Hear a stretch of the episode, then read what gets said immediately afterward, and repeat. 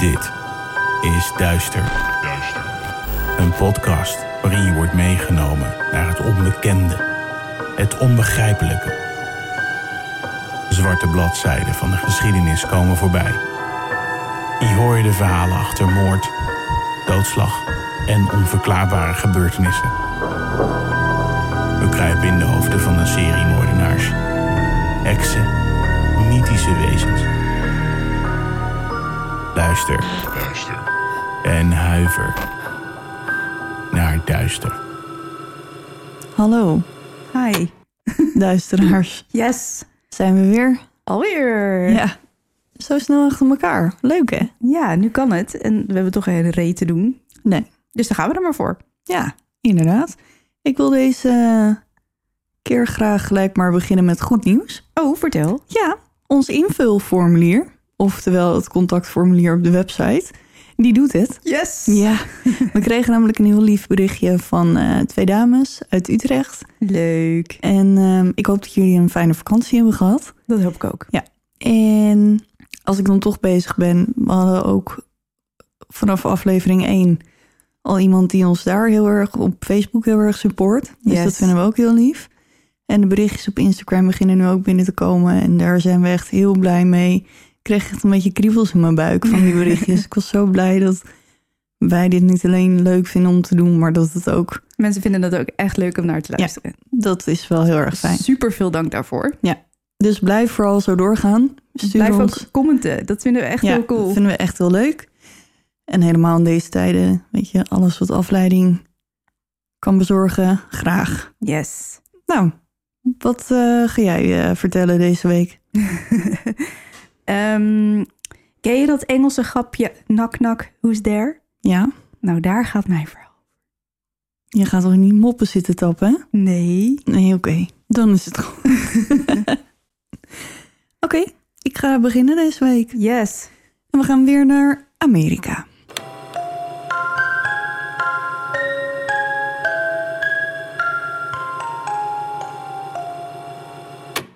26 november 2019 zet Heidi Broussard haar dochter Margot Elizabeth Carey op de wereld in het bijzijn van haar verloofde Shane en twee goede vriendinnen.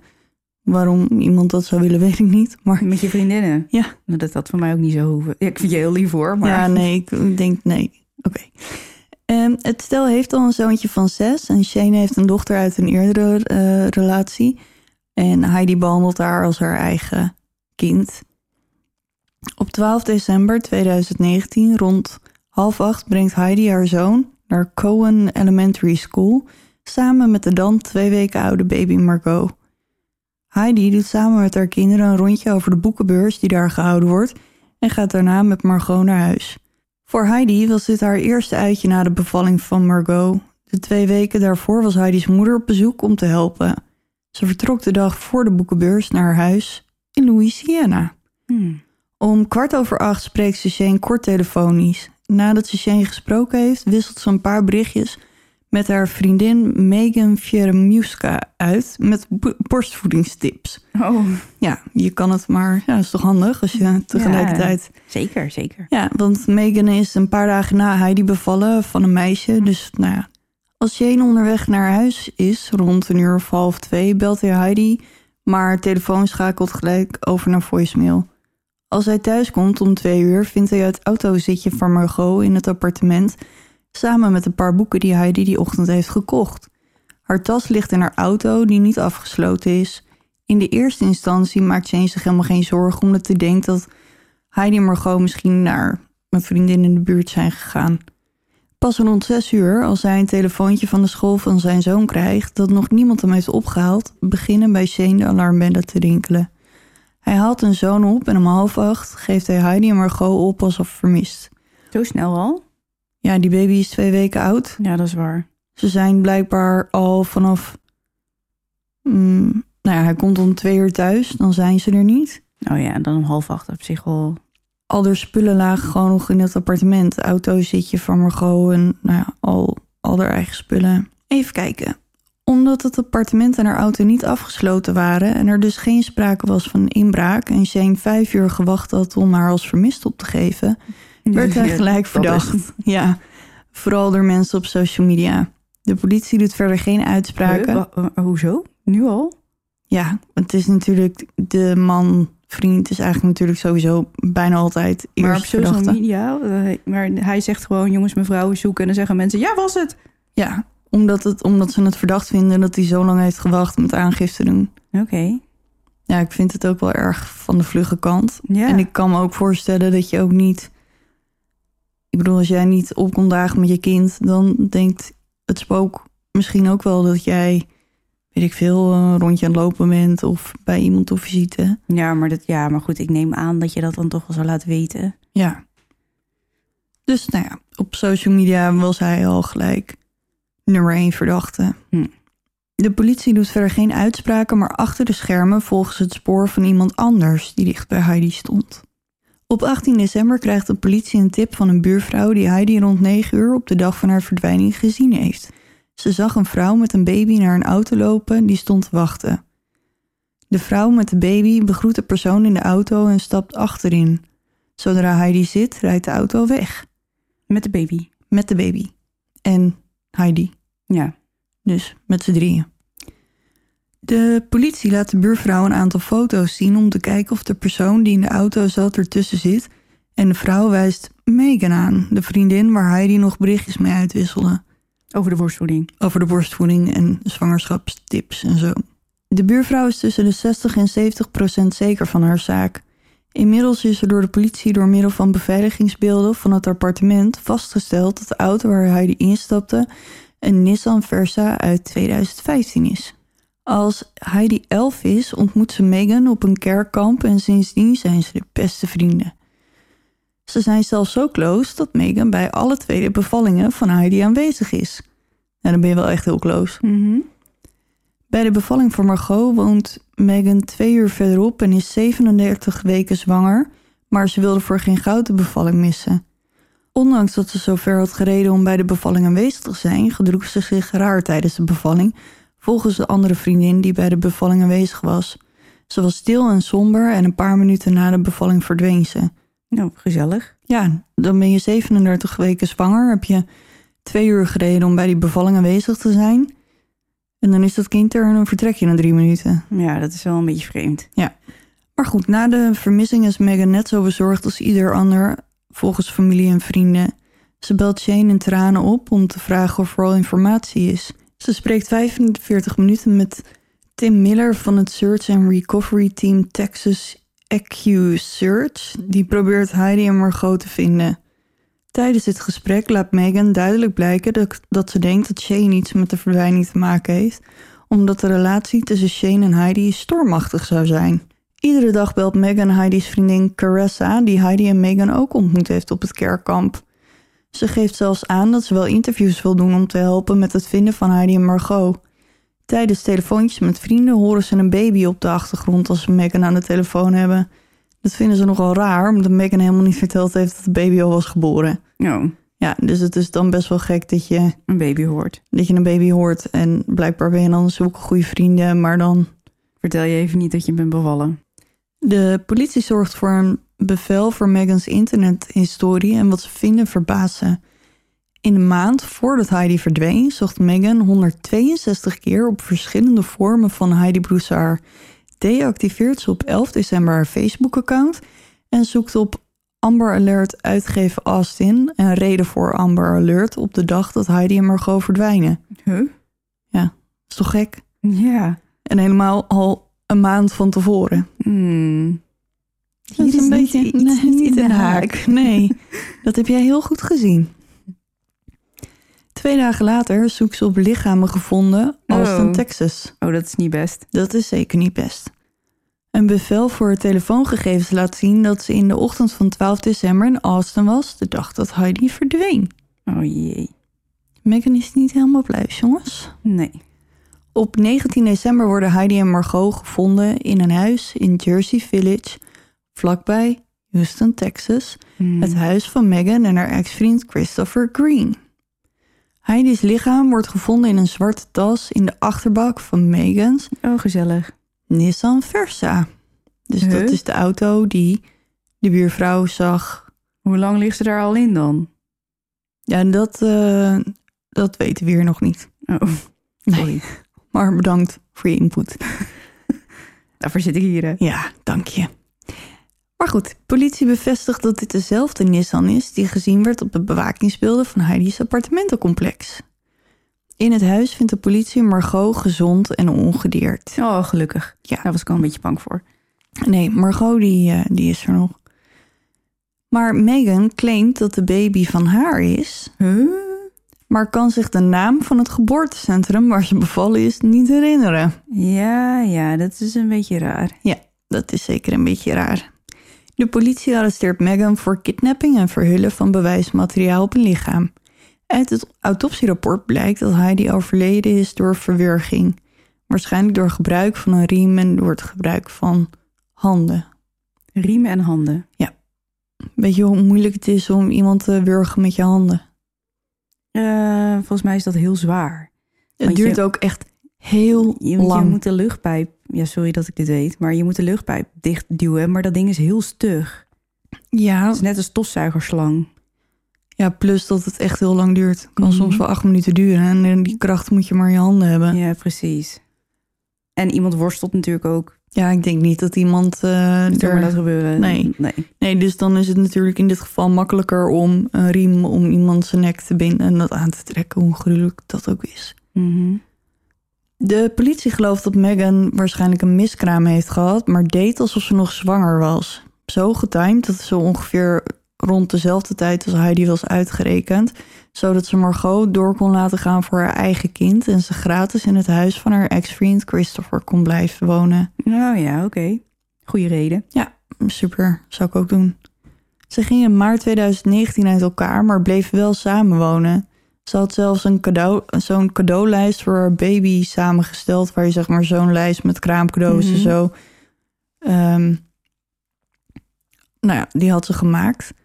En haar uitgerekende datum was vastgesteld op 1 december. Dezelfde uitgerekende datum als Heidi. Hmm. Dus kunnen we dan al een beetje stellen dat zij wel eh, een, moord, mo- een moordje heeft begaan? Of? Dat eh, denk ik wel, ja. Hmm. Megan vertelt Caressa dat ze op 3 december is bevallen eh, van een meisje, Luna May. Wel een hele leuke naam, vind ik dat. Sorry. Terwijl Shane dacht dat ze bevallen was op 8 of 9 december. Shane en Caressa zagen nooit een foto van Luna May. Nou, dat is net zo gek als dat je niet vertelt dat je bevallen bent. Ja, en precies. als mensen er dan achter komen, dan nog steeds geen foto laten zien. Denk Nou, ik. Er zijn natuurlijk, ik ken wel mensen in mijn om, eh, omgeving die dan bijvoorbeeld niet op, op Facebook of zo zeggen van hey, ik ben zwanger. En dat je dan inderdaad na een tijd ineens een foto krijgt van een kind dat je denkt, huh, was die zwanger dan? Ja, ja, ja oké. Maar toch, kijk, iedereen zijn eigen keuze. En eh, je moet zelf weten of je het bekend maakt of niet. En natuurlijk deden we dat eh, twintig jaar geleden sowieso niet, want toen hadden we geen social media. Maar ik blijf het apart vinden dat dan iemand blijkbaar negen maanden lang zwanger is geweest. En dat je dat gewoon niet wist. Ja, niet dat je daar recht op hebt, maar toch, ik weet niet man.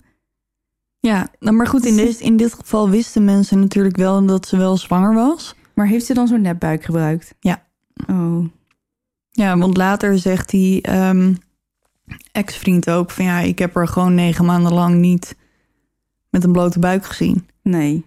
Dus eh, ja, en ze waren natuurlijk ook al uit elkaar. Ja, Dus ze sliepen ook niet meer samen. nee. Dus ja, als je dan gewoon een nepbuik gebruikt, ja, dan is het wel makkelijk om naar me weg te komen, denk Ja, ik. precies. Megan vertelt Christopher op 12 december dat ze bevallen is. De dag dat ze eigenlijk een tripje naar het strand zou maken met haar nicht. Hm. Dus Die, gaat dan, die gaat naar het strand en die komt met een baby terug. Ja. Oké. ja, schat, ik ga lekker met mijn bikini heb ik ingepakt. En dan ga ik even een dagje naar het strand en dan in Nou, één het, keer kan, mijn baby. het kan overigens wel heel snel gaan. Het kan heel snel gaan. Maar dat lijkt me... Nee, maar dat, nee, dat is toch wel eh, niet... Nee. Nee, ik zag toevallig van de week nog een mevrouw die beviel van een tweeling langs de snelweg. Oh, Dus dat ging zo vlug dat er was geen hou meer, hou meer aan. Dus het kan inderdaad wel. het kan. maar Maar, volgens mij is dat wel de uitzondering. Ja, en dat je dan ook niet weet waar je dan bevallen bent. Nee, nee. Dat, Want dan dat, kan je je eh, in één keer niet herinneren waar dat dan gebeurd is. Nee, dat is gek. En anders dan heeft je vriendje dat wel honderd keer verteld. Of de nicht. Want daar was blijkbaar mee weg. Of niet? Nee. Nee, dat was niet zo.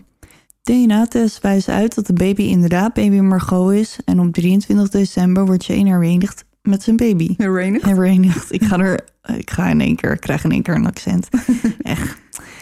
Op 28 januari 2020 wordt Megan kidnapping van Margot en de moord op Heidi ten laste gelegd. Op dit moment moet ze nog veroordeeld worden. Dus we weten niet voor hoe lang ze hier voor weggaat. Maar wacht, het is echt... Hoe heeft deze vrouw dit bedacht dan? Want het is zo obvious dat zij het was. Ja. Ja, en dit is wel natuurlijk de korte versie, want er zijn natuurlijk, het heeft wel wat langer geduurd. Tot Maar ze heeft allemaal... totaal niet geprobeerd om dit te verhullen of zo, heb ik het idee. Maar zij is gewoon geestesziek en dacht, ik moet een baby. Mijn beste vriendin is bevallen, dus ik jat haar baby. Ja, ze denken waarschijnlijk dat het ontstaan is dat ze... Ze was dus zwanger van die ex, Christopher. En ja, toen kreeg ze een miskraam. Maar ze wilde gewoon samen met hem blijven. Hmm. Dus heeft ze die miskraam voor hem verzwegen... in de hoop dat ze dan later weer bij elkaar zouden komen... omdat ze dan samen een baby hebben. En toevallig was Heidi dan op dat moment ook zwanger... en heeft ze het zo getimed...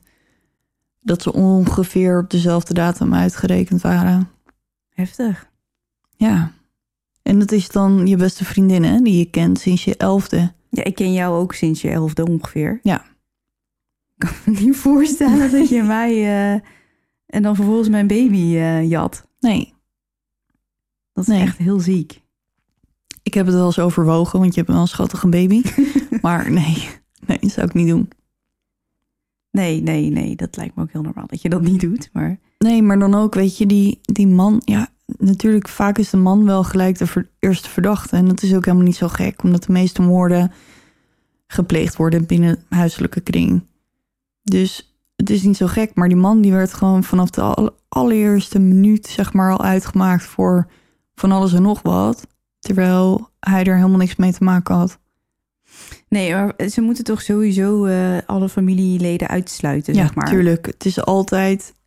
Nou, het is niet altijd iemand binnen het gezin... maar ze werken wel van binnen naar buiten. Ja, precies. Tenzij er echt een aanwijzing is dat er iemand van buitenaf... als iemand een stalker heeft of maar dan nog...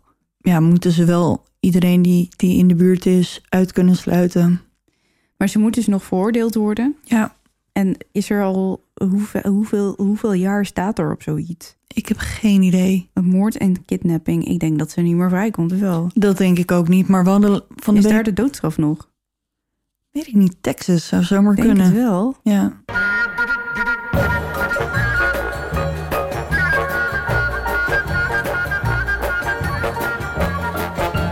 Het spook knikt ja. Echt Oh, heel het- heftig ook.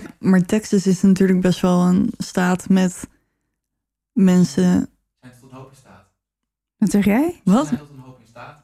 Ze zijn tot een hoop in staat. God, hij heeft ook nog humor. Ja, Maar, Maar- in Texas mag je volgens mij ook, is, zoals ze noemen, open carry. Dus dat je Ja. je wapen gewoon zichtbaar mag Ja. dragen. Ja.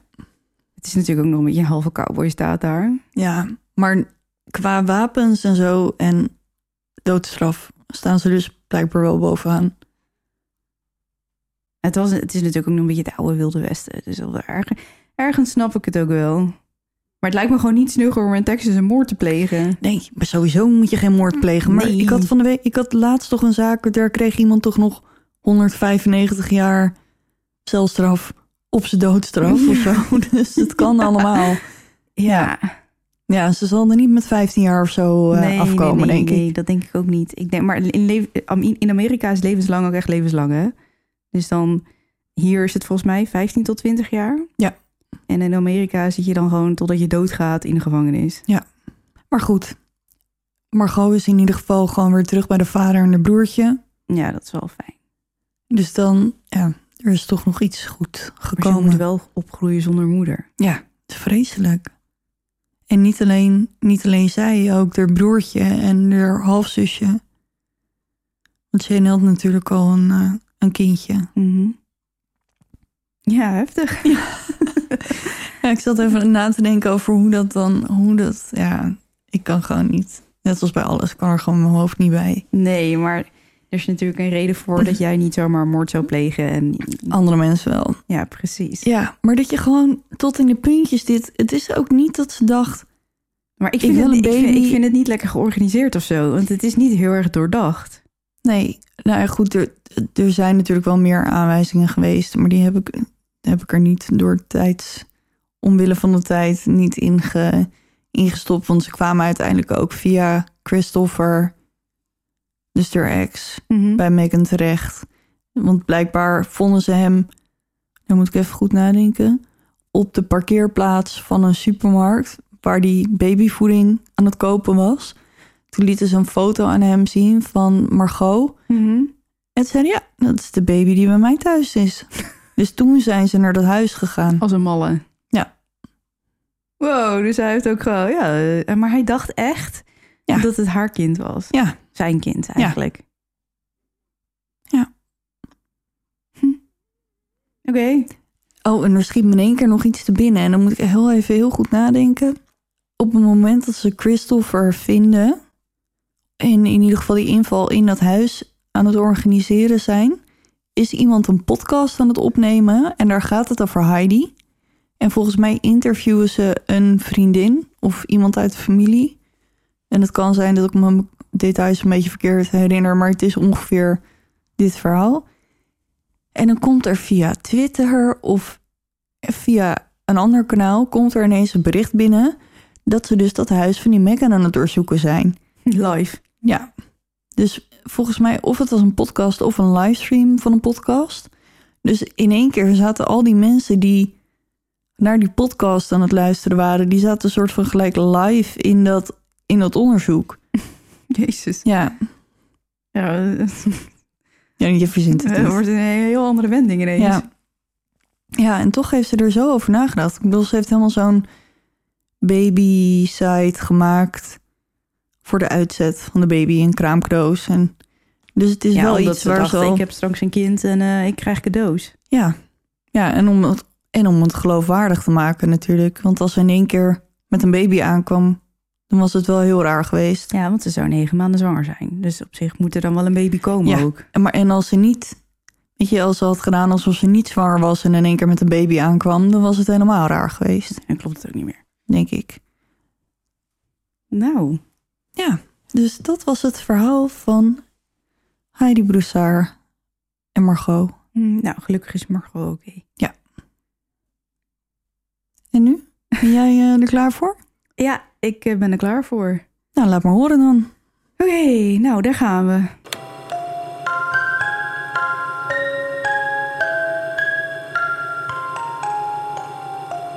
Oké, nou ben je er klaar voor? Ja. Oké, ik heb het vandaag over poltergeists. Ik zat er vanmiddag nog aan te denken. Ik dacht, ik hoop echt dat ze zo snel eentje gaat doen over een poltergeist. Nou, vandaag? Nou, gelukkig heb ik niet lang hoeven wachten. nee. Want Ik voelde dat ik dat nodig had. Oh. Ja.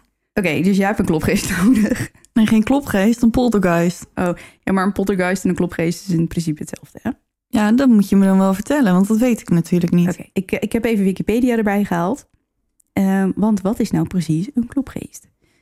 In het Nederlands wordt het Duitse woord poltergeist gebruikt, wat tegenwoordig ook in het Engels de gangbare benaming is geworden. Poltergeist staat voor luidruchtige of lawaaimakende geest.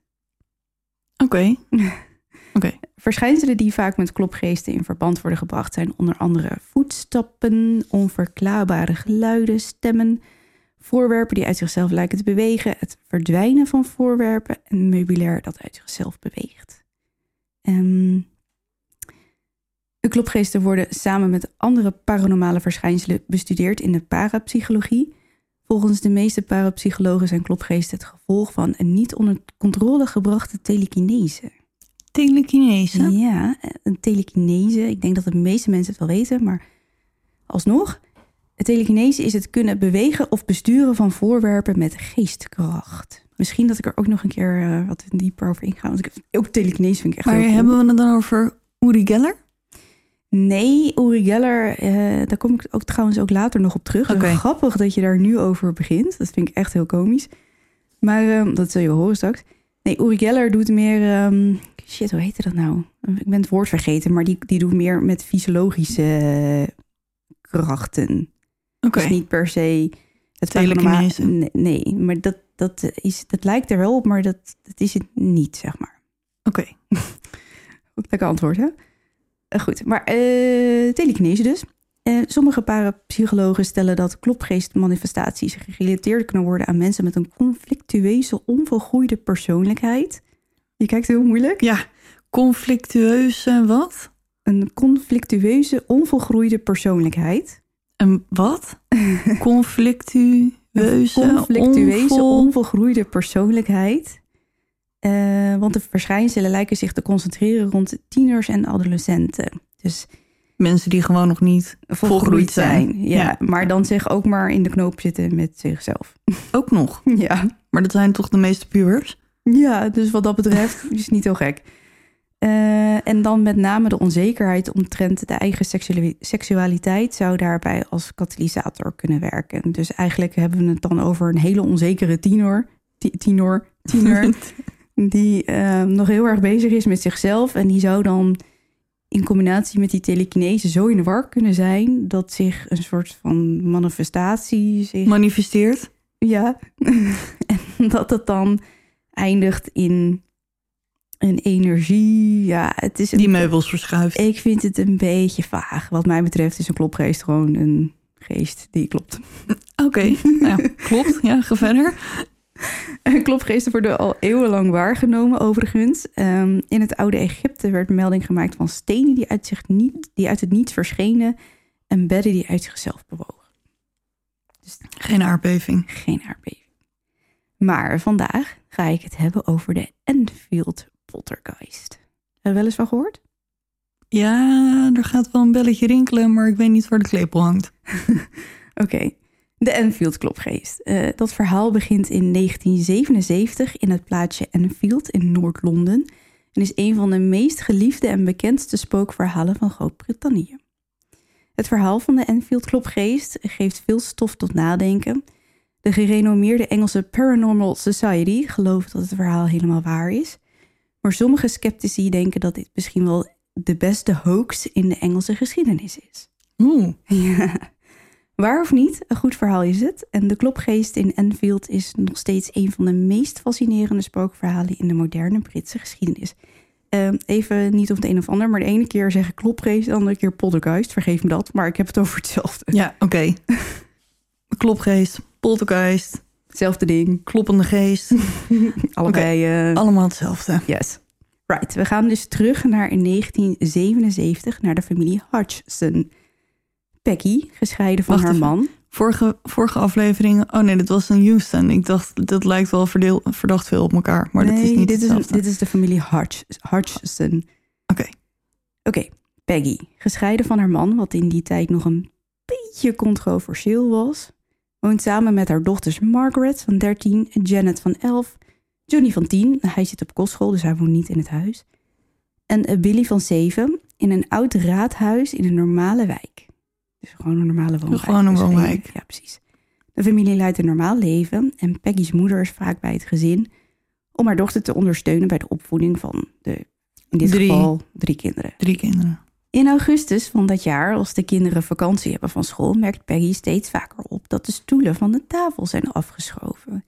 Ze denkt dat de kinderen grapjes met haar uithalen. En Peggy denkt er verder niet bij na, want ja, eh, Ja, stoelen. als het Niet niet kinderen heel- zijn, dan nou ja. Totdat haar moeder, de oma dus, opmerkt dat de lades van de kast telkens openstaan en dat ze dat steeds vervelender begint te vinden, omdat ze denkt dat de kinderen dit doen. Dus, nou, dat is nog niet zo heel ernstig. Nee. Stoelen, lades. hm. Eh, de kinderen ontkennen dit, want ja, eh, zij zijn het niet. En het gaat een tijdje zo door. En na verloop van tijd hoort Janet, de jongste dochter, geklop uit de muren komen. Wat, Heeft ze muizen in de muren? Ja.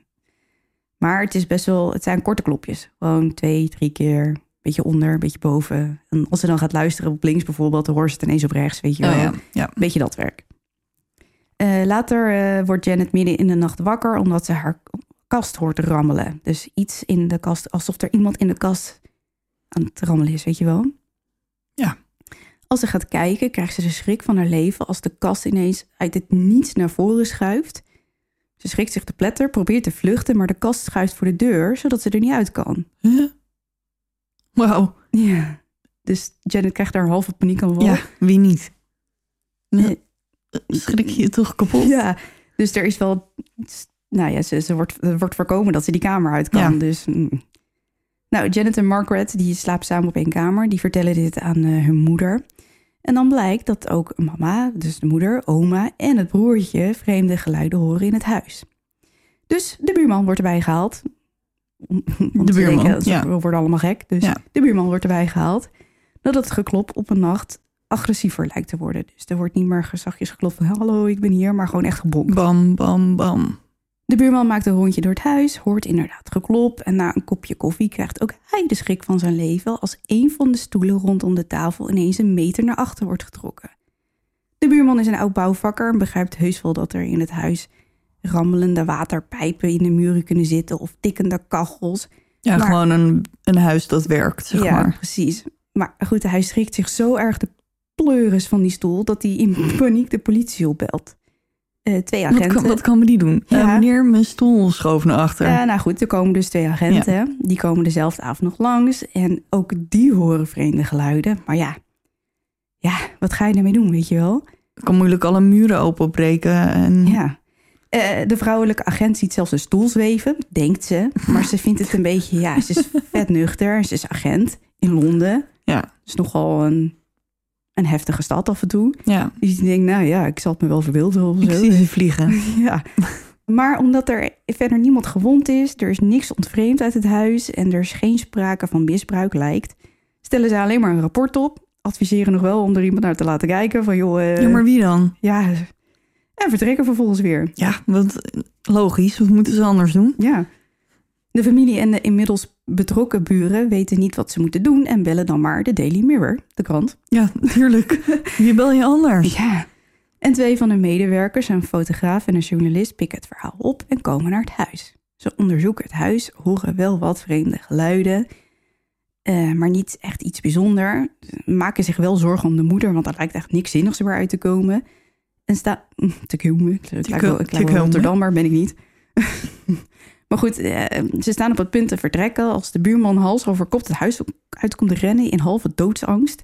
Dus die twee journalisten die pakken alles weer uit, gaan terug naar het huis, eh, zetten de fotocamera neer. En vanaf dat moment lijkt het wel alsof het hele huis tot leven komt. Het is echt bizar.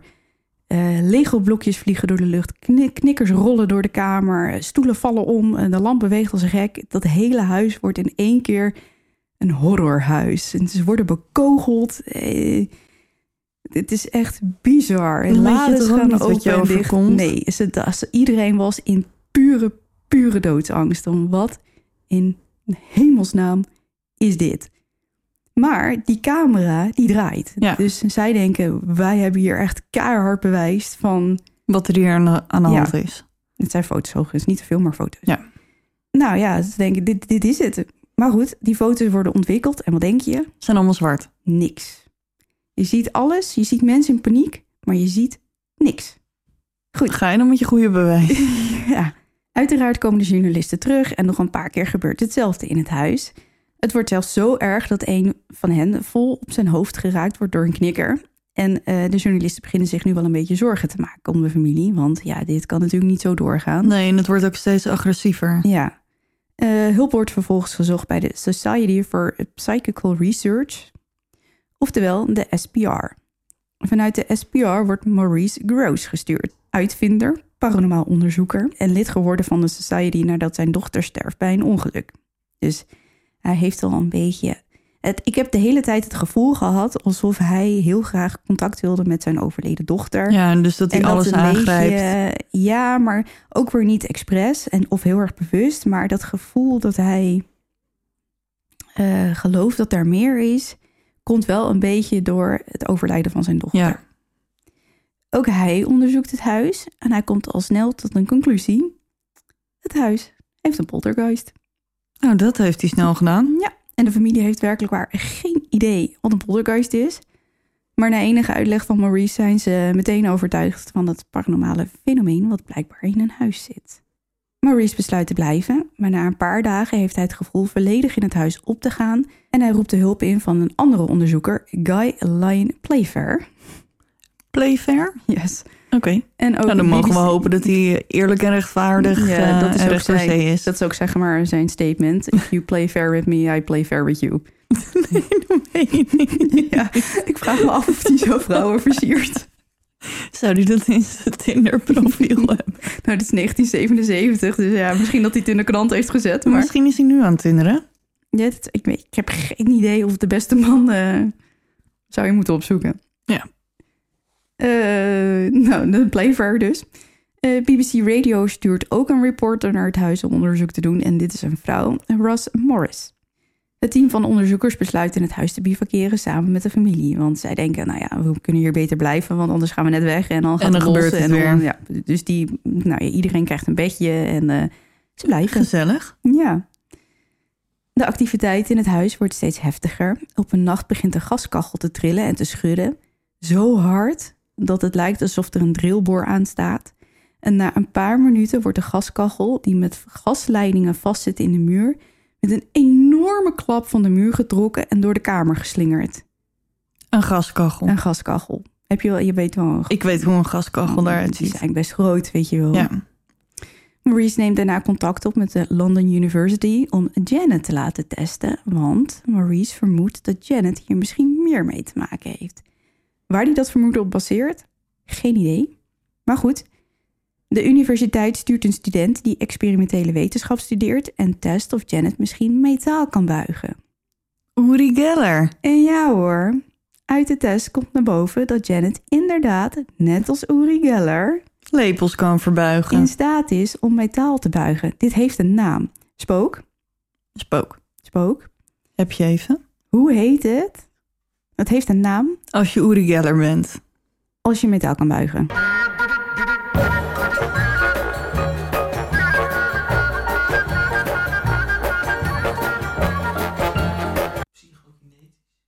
Psycho, psycho, Kin- psychokinetisch. Oké, nou dat had, ik, dacht, ik dacht wat anders, maar dit klinkt op zich wel heel logisch. Psychokinetisch, oké. Psycho Waarbij dus psycho voor de geest staat en en kinetisch, kinetisch voor bewegen. Oké, nou dan weten we dat ook weer. Uri Geller dus. En Janet, die kan dat dus ook. Ja. Maar die gaskachel die loskwam van de muur... Mhm. die moet met twee volwassen mensen opgetild worden... want dat ding is loodzwaar. Dus hoe Janet dat ding door de kamer heeft kunnen laten vliegen... en of zij het überhaupt was, blijft een raadsel. Want dat is nooit Bewezen. Vanaf dat moment lijkt de activiteit zich steeds meer op Janet te gaan richten en gaat de situatie steeds meer bergafwaarts. Janet begint een oude man te zien, vooral in de spiegel in de badkamer en ook in een Viewmaster. Weet je nog wat het is? Een Viewmaster? Nee, ik ben zeker meer dan tien jaar later geboren. Dat is zo'n apparaatje, een soort van, Is dat zo'n ding waar je... een soort van te- verrekijker, zeg maar. Ja, met, met een- zo'n kaleidoscoop erin. Nee, nee, nee. Dit is er eentje met foto's. Druk je op het knopje, dan komt er de volgende foto. En zo kun je iedere keer een nieuwe foto zien als je op het knopje drukt.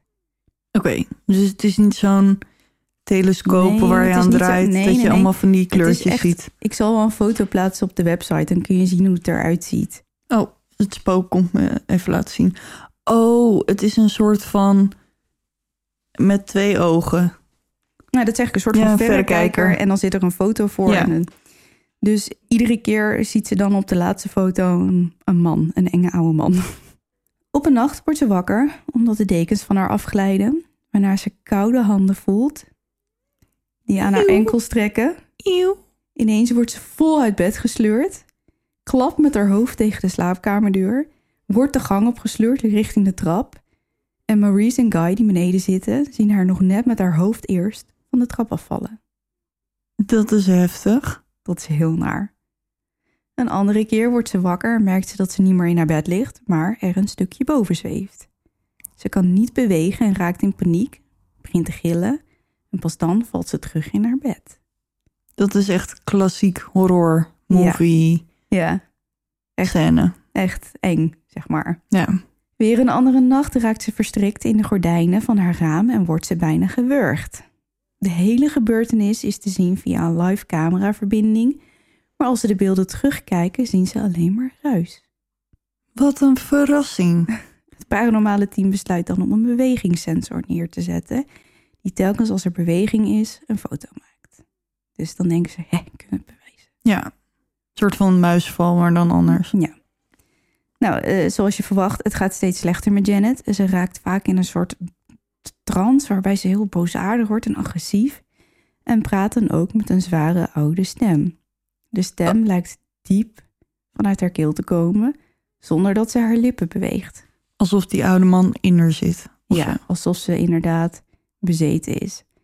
Alleen Guy en Maurice zijn, geloven niet heel erg in, in, in demon possession. Dus dat willen ze niet echt zo noemen. Maar het lijkt wel alsof ze overgenomen Genomen wordt.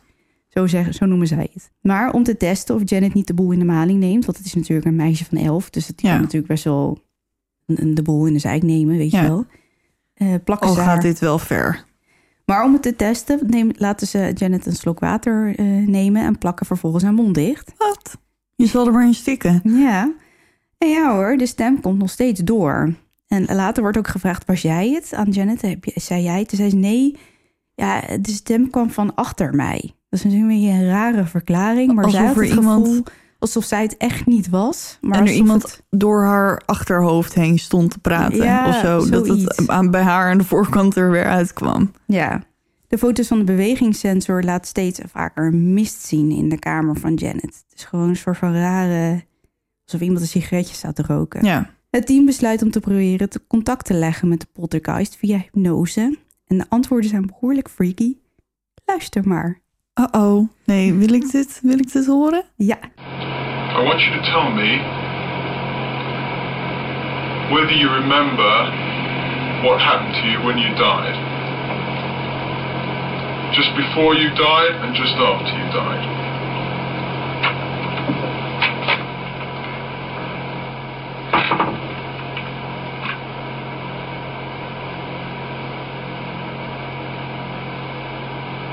Days before I died, I did. I went blind.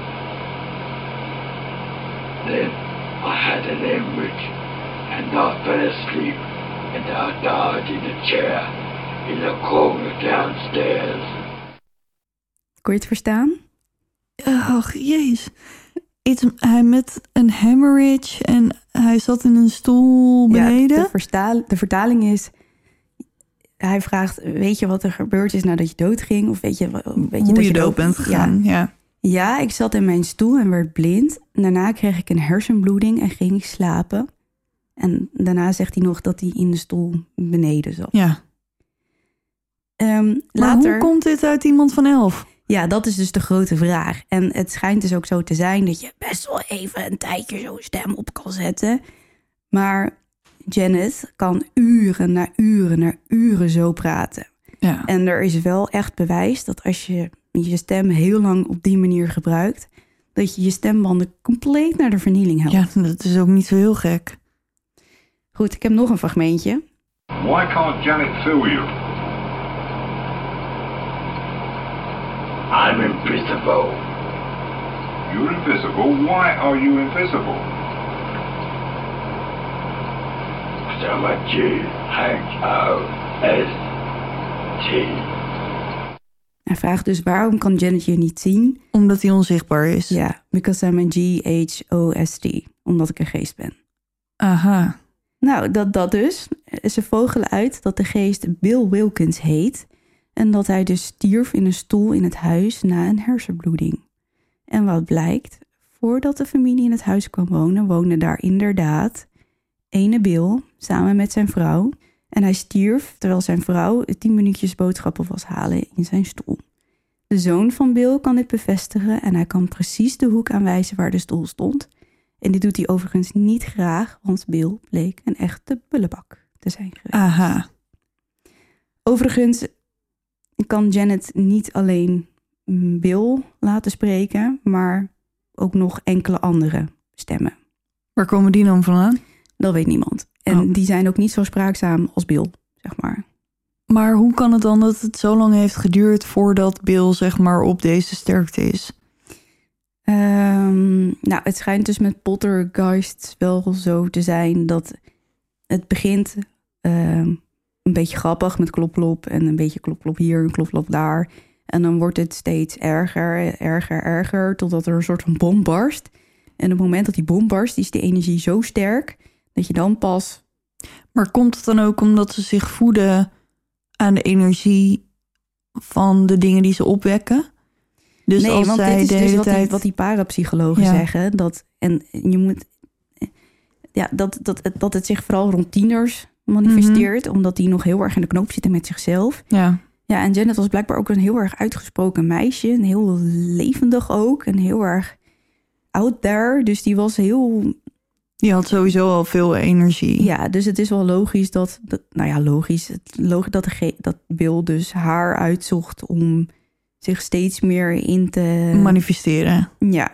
Nou, ondertussen gaat het steeds slechter met Janet. Ze wordt opgenomen in het ziekenhuis op de psychiatrische afdeling... Waarbij, waar ze twee maanden blijft. En dit vind ik een beetje plausibel, of het waar is of niet. Maar het schijnt dat ze daar elektroshocktherapie heeft gekregen. Oeh, En dat was in die tijd niet heel erg meer... een ding. Nee, dat ze hadden al, ze, men kwam er al... Er wordt overigens nog steeds wel elektroshoktherapie gegeven, maar... Het is een hele, hele, hele heftige behandeling. Ja. En je hebt daar hele goede nazorg voor nodig. Ja. En die hadden ze toen gewoon niet. Nee, ik ben toevallig nu een serie aan het kijken, Vienna Blood, Blo- Blood, op de BBC. En daar gaat het ook over elektroshocktherapie.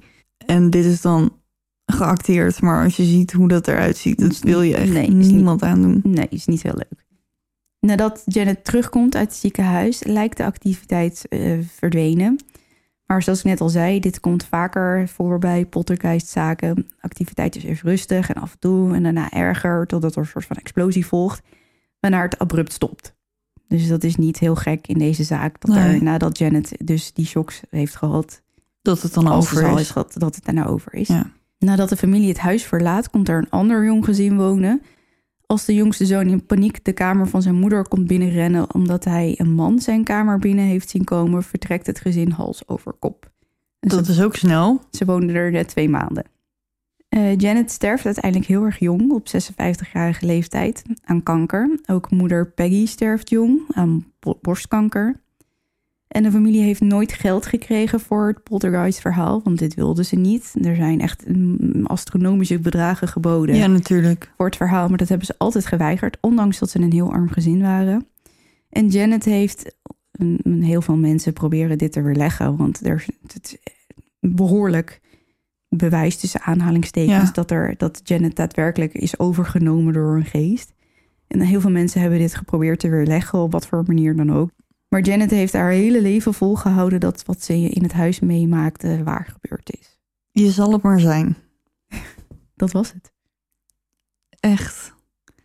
Ik hoop echt dat ik nooit een poltergeist tegenkom. Nee, maar de elementaal vond je wel prima. Ja, maar die is niet... Die lijkt mij nog enger. Ja, maar die elementaal die zweeft gewoon een beetje. En dat is een energie, dit is echt een geest. Ja. Maar stel, hè, je zit hier gewoon een beetje tv te kijken en je hoort ineens dit. Ja, dat, daar moet je toch niet aan denken. Nou ja, misschien in eerste instantie zou ik dan nog denken dat je kind iets op de grond heeft gegooid boven. Nee, dat klinkt anders. Ja. Maar heb jij nooit iets meegemaakt waarvan je dacht... Hm? Vreemd geluid, klopgeest. Nou, toevallig vanochtend. Oh? Ja, ik was om vijf uur wakker.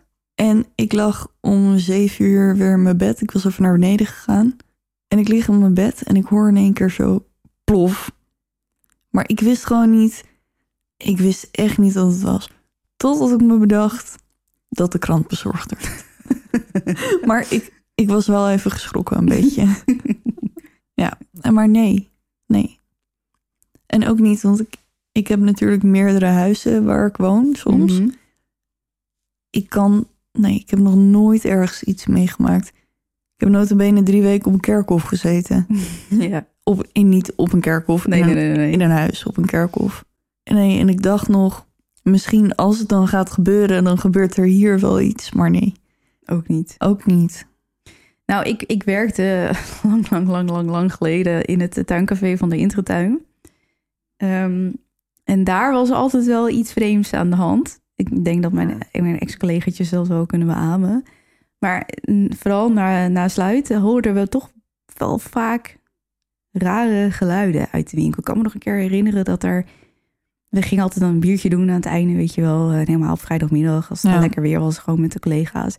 Maar het liepen er dan twee altijd even een rondje door de winkel. Zo van, zeker weten dat, er niet hond, niet een, dat er niet een hond is achtergebleven of zo, weet je wel. Ja. En die hoorde op een gegeven moment een, een, een kindje huilen. Dus die zijn gaan zoeken. Zo van, wat de fuck, wie vergeet zijn kind? Mhm. Hebben het daarna ook niet meer gehoord. Hebben het echt van de hele winkel bij elkaar geroepen van iedereen helpen zoeken. Want ja, eh, weet jij wat Ja, er zometeen heeft iemand zijn kind achtergelaten in de bloemenpakken. Ja. Nooit, nooit meer wat gehoord. Of... En ik moet zeggen dat altijd wel als ik daar liep dan in mijn eentje. Want ik denk dat, dat iedere winkelmedewerker dat wel kan beamen. Dat als de winkel eenmaal leeg is, dat je dan in een soort van niemandsland bevindt of zo. Ja, dat kan ik me wel Alleen herinneren. op de wereld. Want je hebt de hele dag heb je mensen gehad Ja. en drukte. En, en, en helemaal zomers als het echt druk is. En dan in één keer is die winkel leeg. En dan loop je alleen door die winkel. En dan is het toch een beetje...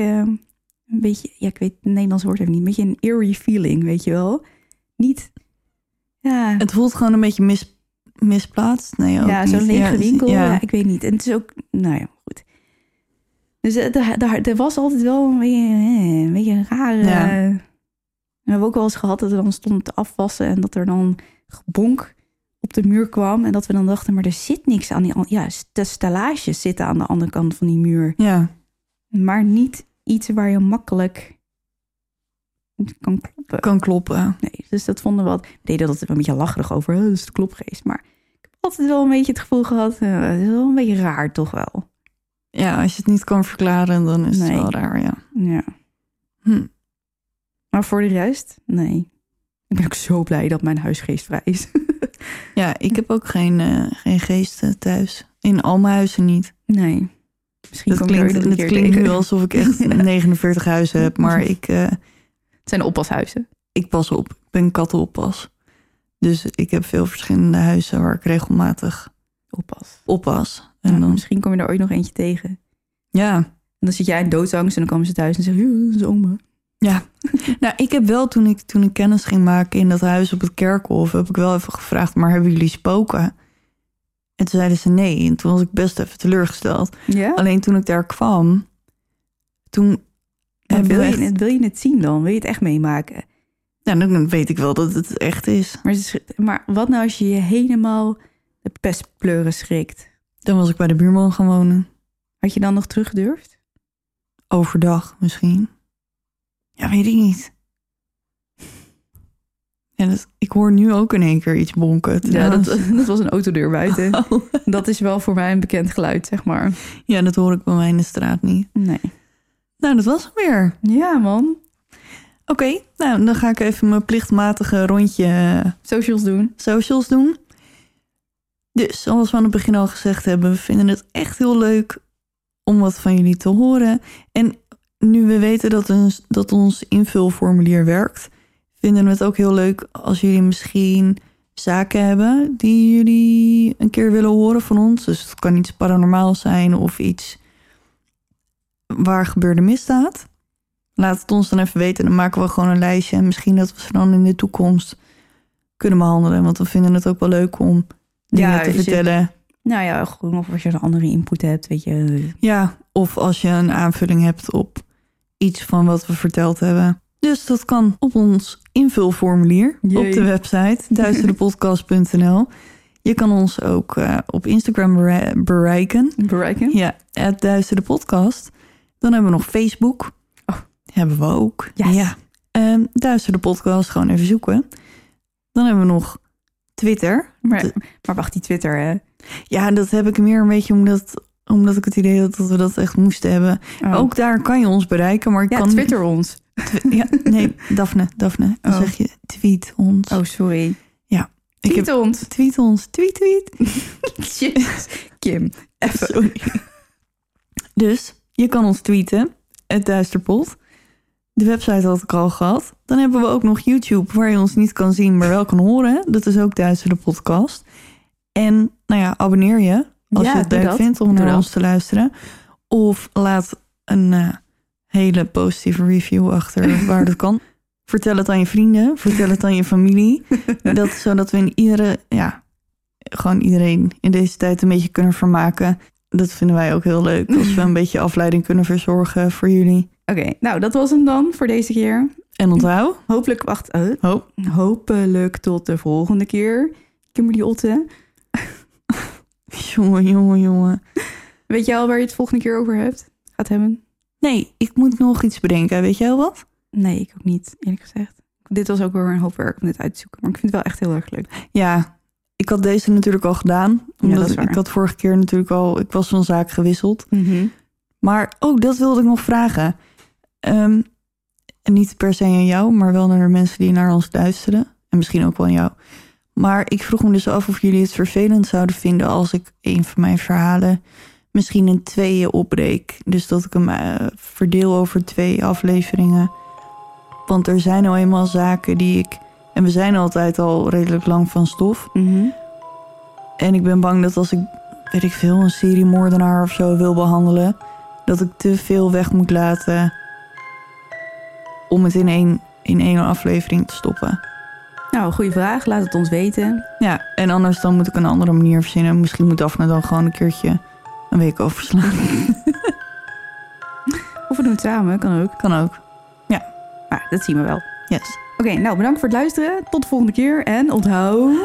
Blijf in het licht, want je weet nooit wat er in het duister op je wacht.